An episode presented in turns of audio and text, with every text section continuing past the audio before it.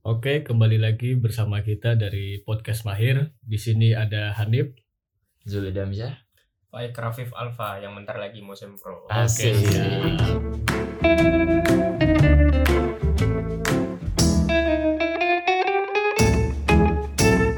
Semoga cepat. Amin. Amin amin. Ya saya juga sih. amin, amin. Nyusul kan? Iya, justru kan. So kok ada Suara satu siapa suara? Siapa Aduh, ya? Siapa Siapa itu? Siapa ini ya? Berubah suaranya. Oh, Boleh, boleh. Kali ini kita tetap kekurangan satu punggawa yaitu Rama yang katanya Katanya. katanya Lagi touring. iya lagi Hmm. touring Jawa Bali katanya. Jawa Bali Jawa Bali Digantikan oleh siapa nih? siapa ya Siapa nih? kita kenalinya gimana nih MDS Boleh. Mas Ham? MDS. Oh. Boleh. Oke kita kedatangan Mas Dika Production hari ini. Mas Dika Service Oke. Mas Dika pijet. Yo mungkin bisa per- sedikit perkenalan diri dulu Mas Dika Oke, perkenalkan saya sendiri Hamdika Munawar. Ya mungkin cukup sekian. Kurang spesifik Mas. Cerita Oh, dong kesibukan. apa ini? Apa ini? Kesibukannya Kesibukan apa? apa? Mas Dika itu siapa Oh. siapanya kita gitu Siapanya? Siapa kita? Jadi gini, saya tuh sebenarnya teman eh, akrab ya, bisa Yoi. dikatakan teman akrab dan istilahnya eh, berteman sejak pertama kali masuk ke RPC seperti itu. Apa itu RPC? RPC itu Release Photography Club. Masya Allah. Oh, gitu. Apa itu apa? Eh, Rilis fotografi kan istilahnya kita berpacu sama Melodi. waktu, berpacu sama waktu untuk mencari sebuah ilusi Momen. gambar, momen Masya dan Allah. lain sebagainya. betul gitu. betul Jadi Mas Hamdika ikut UKM fotografi. Gitu. Iya, Oke, siap. Kenapa kok memilih fotografi dari banyak UKM Mas Dika? karena gini, sebenarnya tuh awal-awal aku tuh sebenarnya diajak dan dihasut oleh ya sebenarnya tetangga sendiri pas di kampung. Hmm, iya, iya. Kan kebetulan di kampung kan ada Kampungnya di mana? kampungnya tuh di Jawa Tengah. Oh, Ya, Mana tuh? lebih tepatnya di Banyumas. Banyumas. Cah ngapak ya. Cah ngapak. Nah terus ketika itu awal di Jogja itu sebenarnya aku tuh nggak punya kos, Hmm. jadi ngontrak di Hmm. rumah atau di kontrakan tetangga. Hmm. Di Banyumas. Mas? Enggak di sini Oh, di Jogja, di Banyumas. deket lapangan kasihan. Oh, Hmm. iya, iya. Terus tiap tanggal 17 ikut Cak Nun, Hmm. Mayahan. Iya, iya. Biar Musik, apa? Biar apa? Biar apa ya? Biar merefresh otak lah. Oh, Nah. ini. Amir ya. Nah terus pada waktu itu tuh aku eh, istilahnya dikasih wejangan. Wejangannya itu apa? Wejangannya Oleh Cak Nun. Bukan. Oh, balik lagi ke tadi ya Oh, ke, so- siap. ke saudara bisa dikatakan saudara jauh lah gitu ya. Hmm. tetangganya itu kuliah di UMY atau Kebetulan yang di UMY dari saudara tetangga itu ada tiga orang. Hmm. Banyak ya. Iya. dari UMY. Orang Nah, dalam as- gitu. kenapa? Orang dalam. enggak, enggak Oh. orang dalam, orang luar aja gitu. Oh, orang luar. Heeh. Orang Nah, swasta. terus orang swasta juga. Lalu setelah itu eh, ketika pas malam-malam ya diajak ke toko buku di daerah Taman Budaya. Gramedia. Ah, lebih tepatnya Gramedia bisa. Iya, Taman Budaya. Gramedia. Taman Budaya deket Taman Pintar sebenarnya. Iya. Tapi dekat-dekat ke Gramedia sih. bukan Gramet itu Hmm. lesehan ya eh kan kan Shopee. Kios-kios, kios-kios. Nah, ah, terus pas waktu itu aku ditanya sama temanku sendiri, namanya itu Hilmi. Hmm. Ya. Hai Mas Hilmi Hai Mas Hilmi. Halo Hilmi yang denger. Iya. Lalu di sana tuh aku ditanya gini, Mas, kamu mau beli buku apa? Di sini buku murah-murah. Hmm. Oke lah, aku nyari tentang psikolog. Hmm. Nah, kemudian dicariin lah tentang psikologi komunikasi. Nah, terus habis itu diajarin tentang apa itu psikologi komunikasi. Hmm. Jadi untuk mungkin ya maaf maaf kata kalau misalkan ada salah. Sep- Sepenangkepanku tuh psikologi komunikasi itu bagaimana caranya kita berkomunikasi terhadap seseorang dan kita bisa melihat tingkah lakunya terhadap eh, apa ya dari matanya, dari kelakuannya, Hmm. dari gerak-geraknya seperti itu kurang lebihnya. membaca gerak Betul. Mm-mm. Nah, terus setelah itu aku ditanya gini, Mas, kalau misalkan kamu masuk ke UMY, kalau bisa masuk ke fotografi. Hmm. Nah, kenapa fotografi, Mas? karena ceweknya cakep-cakep pertama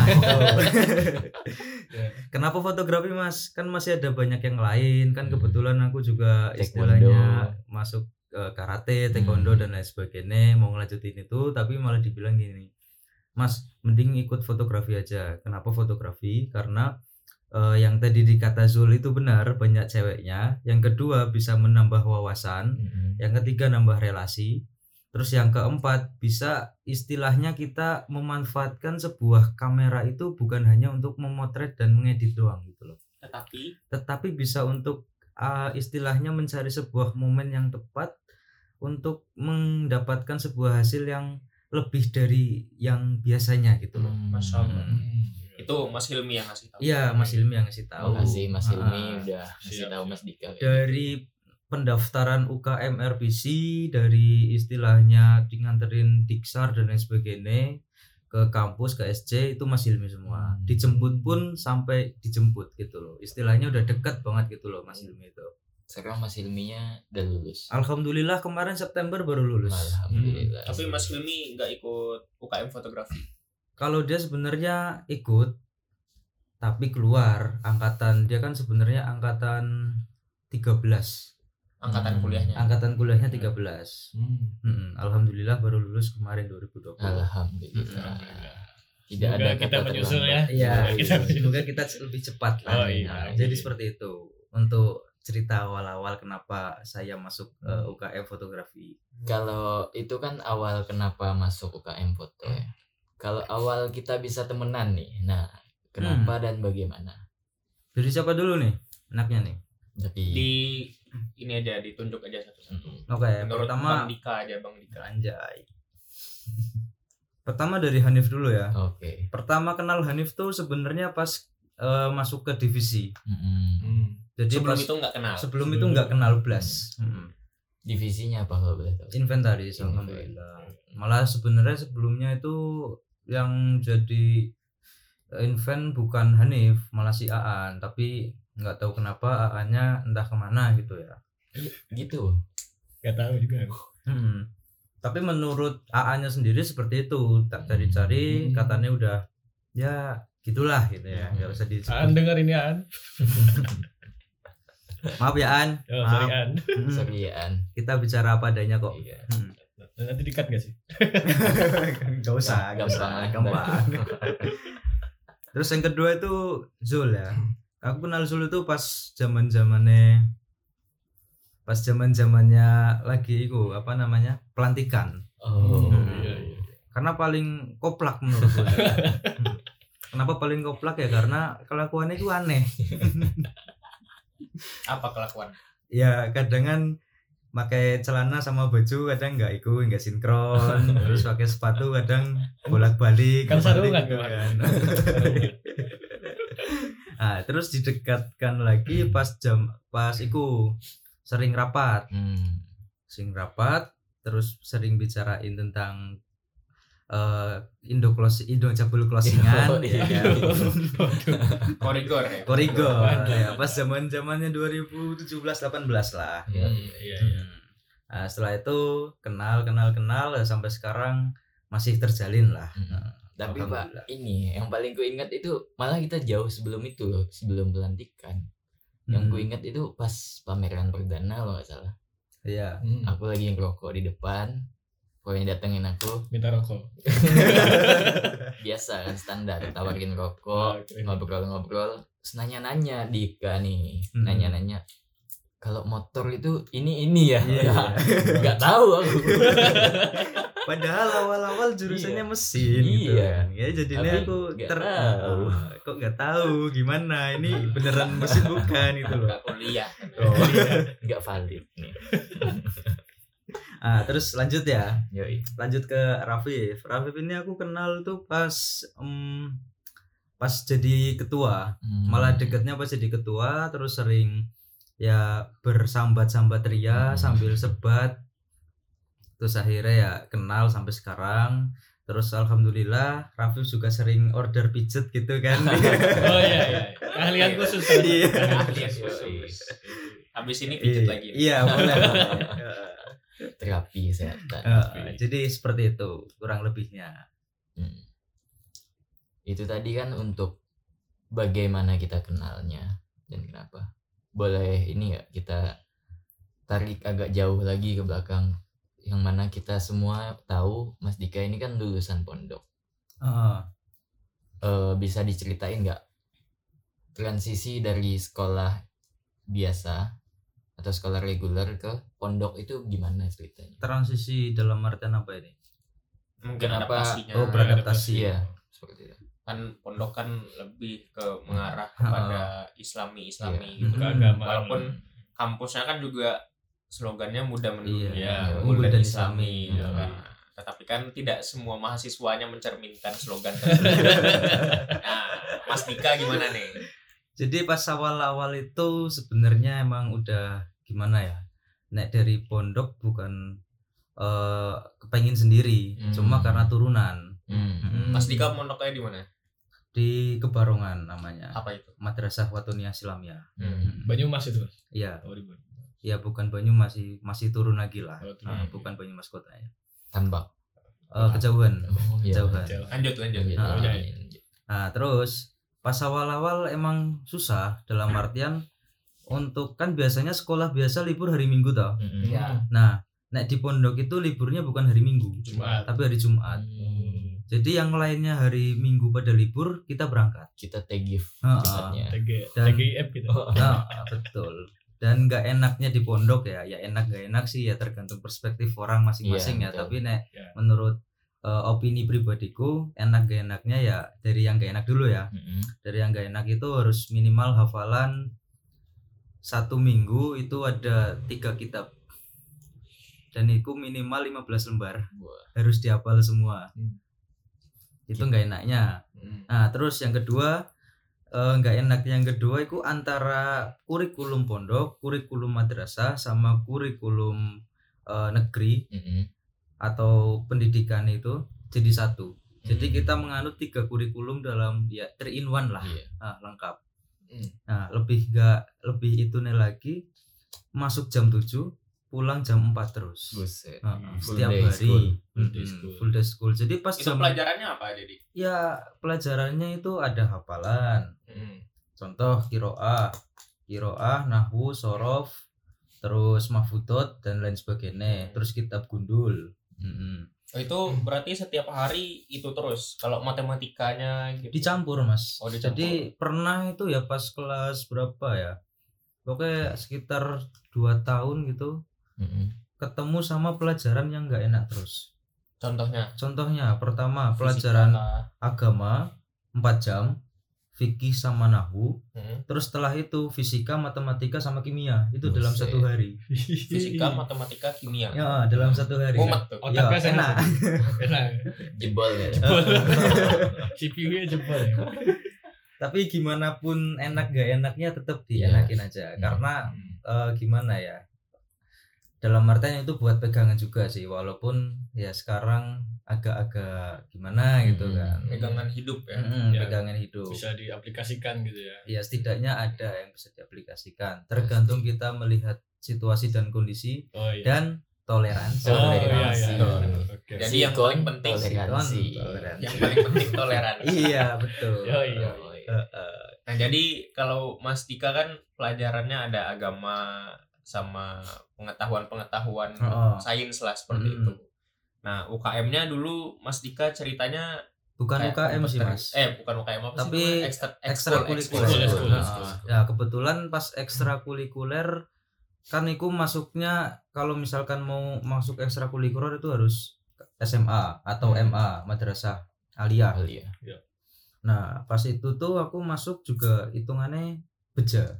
Beja itu. Beja itu kayak Bejo, bejo. Oh, bejo. Ah, hoki. Keberuntungan. Hoki, hoki. Ah, hoki. Hoki. Hokinya kenapa? Karena teman sebangkuku pun ikut seleksi itu nggak keterima. Hmm. Padahal Hmm.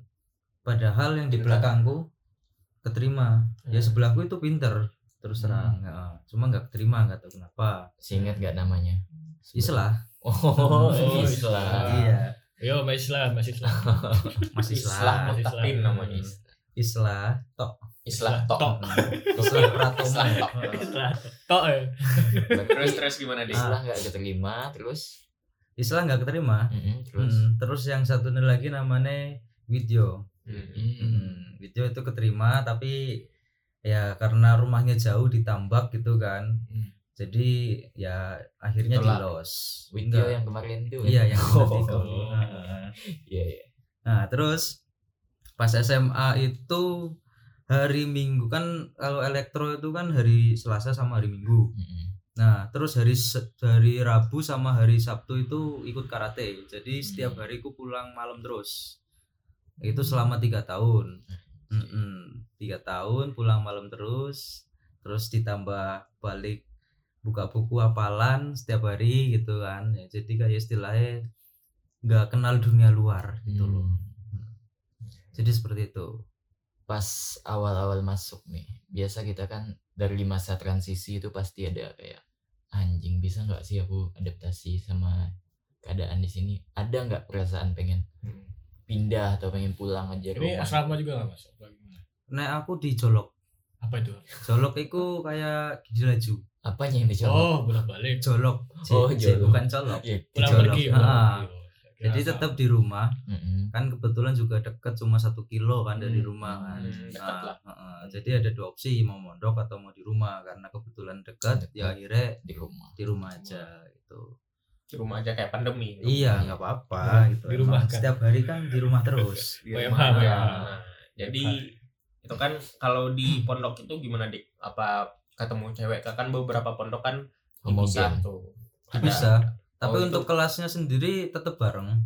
Oh, gitu. Kelasnya sendiri tetap bareng tapi ada sekat. Jadi masih oh ada sekat. Hmm. Hmm. Pakai gorden, pakai gorden. Hmm. Oh iya. Gordenya hijau Nah. itu kan Iya.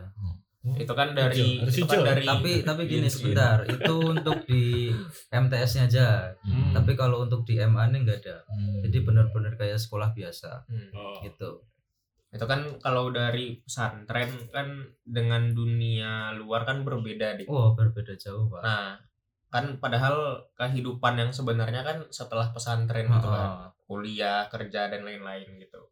Nah, ada gak kesulitan adaptasinya ngobrol sama cewek kah atau berteman kah dengan teman-teman yang lain gitu? Eh, kan pasti oh, oh. aktivitasnya berbeda-beda. iya gitu. betul tadi nanggapi pertanyaannya dulu dulu ya Mm-mm. yang masalah beradaptasi ke dunia kampus misalkan transisi ke kampus tau maksudmu Hmm. nanti kan Eh, bukan jadi itu sih pertanyaan apa coba ulangi itu lagi lebih grafis oh coba kalau pertanyaan tuh Ah. ada nggak rasa ngeberontak gitu pengen ah pindah aja lah nggak Oh. kuat aku di sini gitu sebenarnya kalau untuk ngeberontak enggak sih soalnya notabene aku aku takut sama orang tua Hmm. Heeh. Hmm. Iya. Lebih takut ke ibu sih daripada ke bapak sih Hmm. soalnya yang sering ya gimana ya istilahnya dalam sebulan bapakku balik cuma sebulan sekali tok Hmm. cuma dua hari nah setelah itu sama ibunya terus jadi Iya. lebih takut ke situ jadi untuk kayak misalkan oke udah ya ya ya udah nggak apa Lanjut mas. Nah, pertanyaanku, pertanyaanku. ah untuk nanggapi pertanyaannya Mas Rafif kayak apa tadi lupa aku cok ya, bagaimana adaptasinya? untuk adaptasinya nih misalkan ke dunia kuliah ya dari SMA ke kuliah itu susah sih Hmm. dalam artian biasanya aku tuh bangun pagi dibangunin sholat subuh ya kadang dibangunin kadang bangun sendiri Hmm. jadi nek ditinggal di sini kadang telat-telat terus justru telat-telat Nah, malahan mm-mm. nggak terpatri Iya, dalam betul. otak gitu ya. Nah terus untuk kayak misalkan ketemu cewek ngobrol sama cewek ngobrol sama temen dan lain sebagainya itu ya kagok sih dalam Hmm. artian masih Sampai sekarang. nek sekarang udah enggak Oh. pas Awal-awal. satu itulah Hmm. jadi istilahnya gimana ya masih takut ngobrol sama orang lah gitu Mm. jadi seperti itu Itu kesulitannya. Mm. Nah, nyoba nyoba ngatasinnya gimana kalau ya untuk adaptasi itu nyoba ngatasin ya Mm-mm. nah menurutku ya dari diriku sendiri untuk mengatasi istilahnya kita malu ngobrol dan lain sebagainya ya mau nggak mau harus berani sih hmm, karena Ya. kita hidup kan penuh dengan salah Ya, Nah, berani salah. mencoba. betul Hmm. nah misalkan nggak mau mencoba kapan kita akan maju Yo. gitu Nah, itu. jadi seperti itu jadi sekarang udah udah biasa aja berarti. udah biasa Luar biasa Ma- malah justru gini cewek yang deketin aku pak Wah, ini, Wah, ini. Gimana tuh? Gimana tuh? Ah, jadi Caranya bisa diceritakan. Ampun nih. kan. aduh, aduh, aduh. Tips-tipsnya mungkin. Maksudnya deketin itu gimana? deketin gini dalam artian entah itu memanfaatkan atau pengen mengambil ilmu itu ya Ah, nggak tahu aku oh, lah iya, intinya Iya. whatever lah Mm-mm. intinya istilahnya aku tuh berbuat ingin berbuat baik gitu Iya, lah betul. Malah justru sekarang cewek kayak yang entah cewek entah cowok itu deketin dalam artian kepengen belajar Hmm, gitu loh bukan maksudnya kepengen ya. dalam artian Ya, yang tujuannya beda-beda. Iya, Ah, iya. betul ya alhamdulillah sih ya punya ilmu dimanfaatkan kan ya bermanfaat gitu loh bagi Hmm. sesama Masya Allah. Mm-mm. Insya Allah. Berarti itu implementasi dari pesantren yang dibawakan Iya, ke betul. real life gitu ya. karena Hablum minan Ah, nas, ah. hablum minallah. Karena salah satu amalan yang tidak terputus sampai kita Amal mati jariah. pun sampai kita mati itu adalah ilmu yang bermanfaat Masya Allah. Masya Allah. Jadi, untuk mengimplementasikannya ya mau nggak mau harus seperti itu ya walaupun walaupun agak berdedek atau berdedek nggak sih Apa, apa tuh? Kesel. Deg-degan. berdedek kayak Mangkel. mangkel Oh, gitu loh mangkel. mangkel tapi gimana ya ya harus sabar lah Sabar. Harus. Hmm, harus. karena kita istilahnya di dunia perkuliahan masih? Gimana sih? Ada kan katanya. Malah lupa. Malah lupa. Ingatnya itu innallaha mangas sabirin. Oh, iya. Iya, siap. Bukan Mansabaro ya. Sobar. Iya, Oma. Itu Pak Sobar Pak itu. Sobar. Pak Sobar. Ini Pak Sobirin. Ya, jadi seperti itu. Hmm. Eh, Kalau Hanif ada nggak yang mau ditanyain ke MDS? Oh iya, kalau di sini kan kita lihat selama kita kenal di tiga tahun ini ya kuliah ini ya. Mm-mm. Nah, yang kulihat nih Mas Hamdika ini hebat dalam apa ya kayak memperbaiki elektronik benda-benda elektronik nih. Itu awalnya dari mana Mas keahliannya? awalnya itu sebenarnya dari bocil, bocil ya. Dalam artian Kaki eh, Tamiya. bukan gini Ganti dinamo. awal-awal itu sebenarnya dari umur 3 sampai 5 tahun itu udah nih misalkan aku nangis mesti dikasih obeng sama radio rusak Oh, kira Nah. kasih aliran listrik Mas. nah kebetulan pada saat itu Kenapa kok malah radio dan OB? Iya, awalnya Ah, kok ada ada ceritanya. ada ceritanya Oh, sebentar, iya, iya, sebentar. iya. Nah, jadi itu kenapa dulu pas aku nangis dikasih obeng sama radio rusak Heeh. karena kebetulan mbahku sendiri dulu tuh emang tukang servis. Hmm. Nah, Engineer juga. mm, terus kebetulan juga istilahnya punya teman yang bisa nyervis, terus juga Hmm. punya Hmm. channel dari ibu yang bisa benerin komputer, laptop dan lain sebagainya. Oh. Terus ditunjang lagi pas masuk SMA ya, ikut elektronika selama tiga tahun. Hmm. Nah, jadi sampai sekarang ya alhamdulillah masih jalur lurus tuh elektro terus Hmm. sampai kuliah mau lulus mau lulus pun juga masih elektro gitu Iya.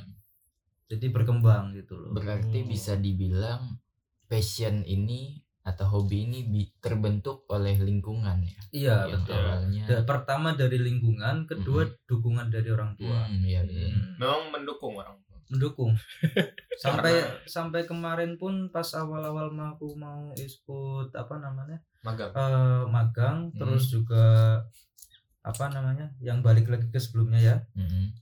masuk elektro Mm. elektro dalam artian ekstrakurikuler Oh iya iya. itu dari alat bahan suruh dicatat nanti langsung dibeliin gitu Hmm. karena emang mendukung gitu Mungkin karena ada hasilnya juga. Iya. gitu kan. Kan Iya. beberapa orang kan kadang ikut ekskul, ekskul Mm-mm. tapi cedera gitu. Betul. kan. Mm. Mungkin ini ekskul, ekskul, yang Komputer benar-benar, beres. ah, ah, lampu beres, Betul. semuanya beres gitu. Oh, Bagus betul sekali.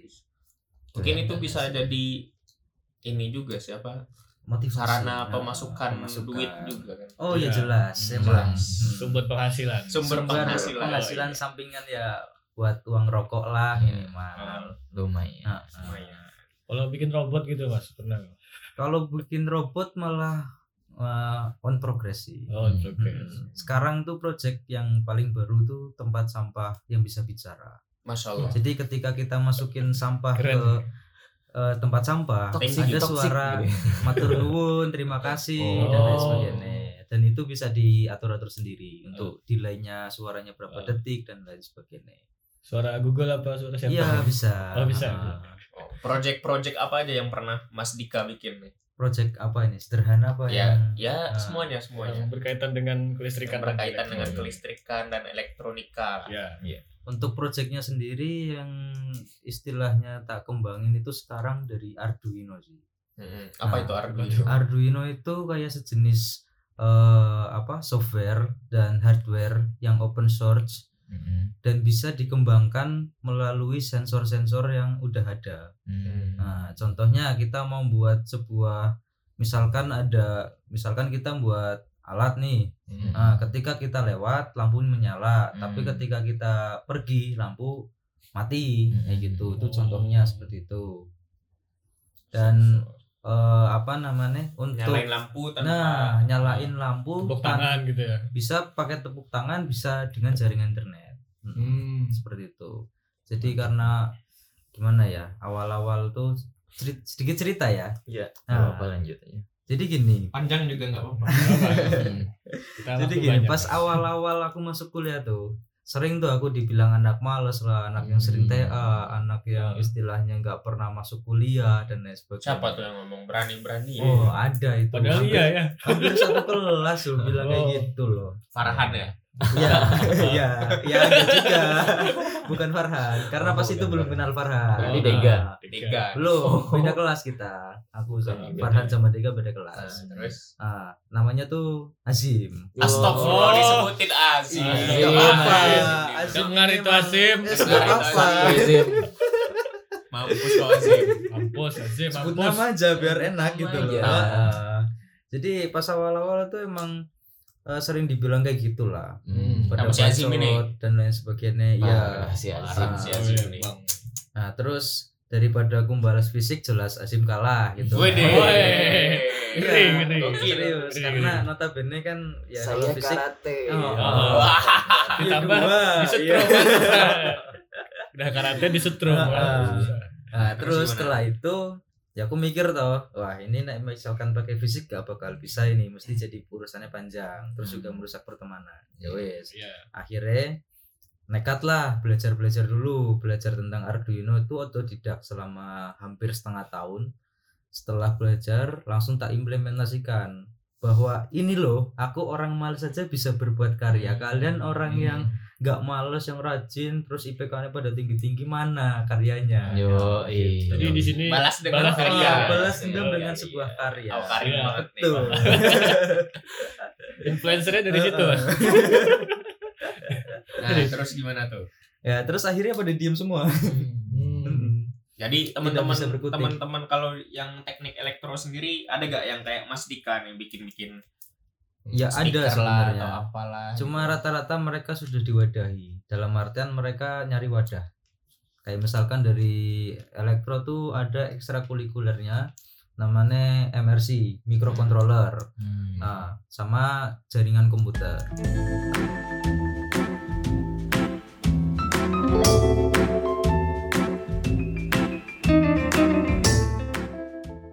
Oke, itu kan kita berbicara yang jauh di belakang sama yang sekarang. Hmm. Untuk ke depannya nih, Mas Dika pengennya seperti apa dan cita-citanya bagaimana nih melihat ke depannya? Lima tahun yang akan datang deh, Mas Dika ngelihat Mas Dika ini seperti apa? Untuk lima tahun mendatang ya bayanganku sendiri Hmm. eh, udah ada rencana sebenarnya. Jadi katakanlah satu tahun lagi lulus ya misalkan. Iya. Oke, setelah satu tahun lulus nyari kerja. Nah, nyari kerjanya itu enggak enggak yang enggak jauh-jauh sama skillku loh. Dalam Hmm. artian aku pengen nyari wadah yang bisa mau benar-benar mewadahi Hmm. dan menampung ide, karya, konsep dan lain sebagainya, terus dikembangkan dan dijadikan sebuah produk lalu dipatenkan. Hmm. Nah, iya. seperti itu. Karena untuk sekarang untuk mencari sebuah tim yang bisa bekerja sama Hmm. dalam artian eh, gimana dengan kemampuanku seperti ini itu susah Hmm. susah dalam artian apa ya pada ambilnya beda aliran Hmm. nah saya harus lemah yang lain pada harus kuat Hmm. nah gitu jadi kalau arus kuat itu berhubungan sama PLN, Gardu Indo, Pembangkit dan lain sebagainya sedangkan arus lemah itu ya kayak bikin alat bikin pengembangan alat tersebut Hmm. Gitu. software software Hmm, terus kenapa aku ambilnya arus lemah ini dari opini ku pribadi ya Iya. karena aku melihat satu dekade ke belakang Mm-mm.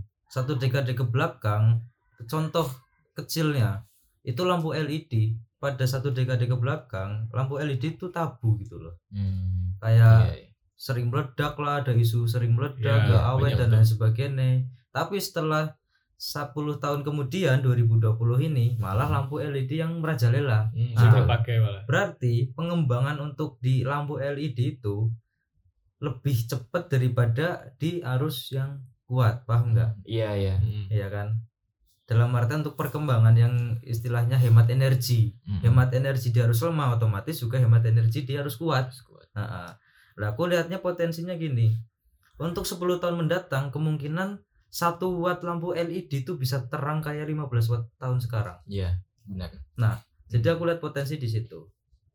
Terus di sisi lain juga istilahnya aku tuh seneng ngotak ngatik terus juga bikin alat dan lain sebagainya. Terus untuk cita-cita ingin menjadikan desa sebuah desa itu menjadi desa eh, percontohan. Hmm. biar dilihat pemerintah bahwa ini loh desa yang eh, wajib dicontoh Hmm. Nah, salah Iya. satunya dengan eh, penghematan energi kah, Hmm. terus juga listrik gratis kah dan lain sebagainya. Itu untuk ke depannya gitu sih. Gokil. Iya, Siap. jadi seperti itu. Berarti memang anak bangsa banget Mas Dika. Iya. Dan sangat berstrategi ya. Iya. Ya doa, doakan saja gitu lah. Amin. Penerangan. penerangan. Menteri nggak ada. Kau menteri lagi. Menteri LED gitu. Menteri LED. Di listrik Apa mau jadi perikanan? PLT Enggak, niatnya besok mau bikin sebuah lapangan pekerjaan sih. Hmm. Berarti Mas Dika tidak berminat mendaftar kerja di PLN gitu gitu Hmm. enggak?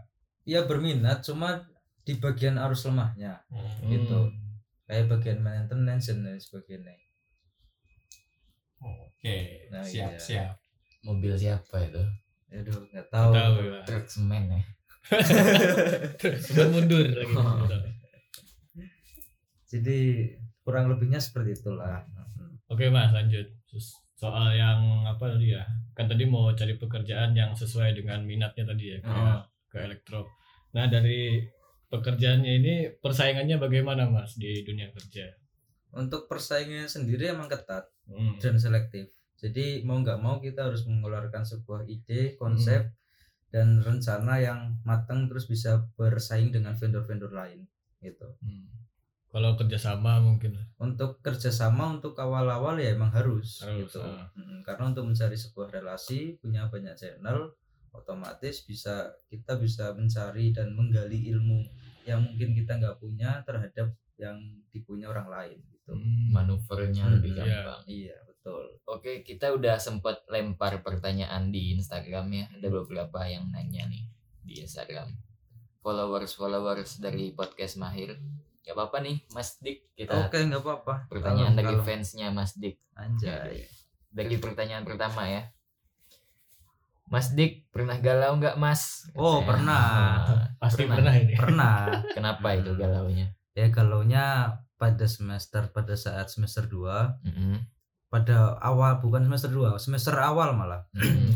semester awal baru mataf dua hari mataf terus malamnya dikabarin mbah mbahku meninggal wah Oh. galau banget aku. Galau karena apa? Pengen balik atau apa gitu? ya karena istilahnya bingung mau gimana. Posisi masih Kehilangan- mataf ya terus kehilangan mbah Hmm, gitu satu-satunya gitu loh.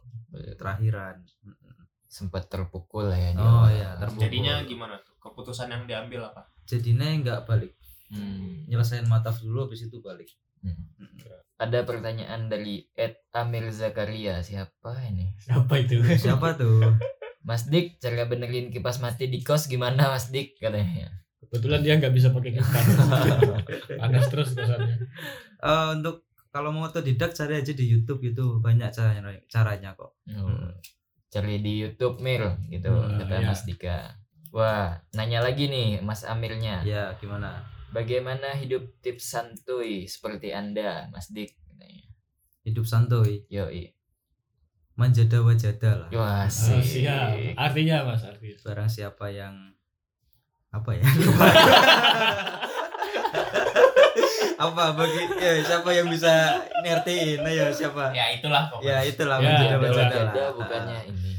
Siapa yang bersungguh-sungguh. Iya, nah siapa siapa, yang yang bersungguh-sungguh pasti akan Pasti berhasil, berhasil. Nah, Manjada wajada. Wajada. betul Yo, negeri lima menara Yo, yo, yo. Ahmad Fuadi. Baca bukunya. iya Nonton filmnya. Oke, berarti udah cukup di sini aja ya untuk obrolan kita bersama Mas Dika. Semoga ada yang bisa dipetik dari obrolan kita kali ini. Oh iya, kita juga mau ngasih tahu nih kalau podcast mahasiswa akhir udah ada di Twitter dengan username @podcastmahir nggak pakai spasi. Kita juga mau ngucapin makasih banyak buat teman-teman yang udah mau bantu nge-share di story Instagramnya eh kayak Nisa, Mas Damar gitu yang udah selalu aktif di Instagram kita. Gak usah pakai nama, Cuk. Nggak apa-apa, sebutin aja biar dia yang share lagi. Oh, iya. Mantap. Yoi. Makasih banyak buat teman-teman yang udah nge-share. Saya Zulidam pamit. Saya Hanif pamit. saya Faik saya Dika pamit See you.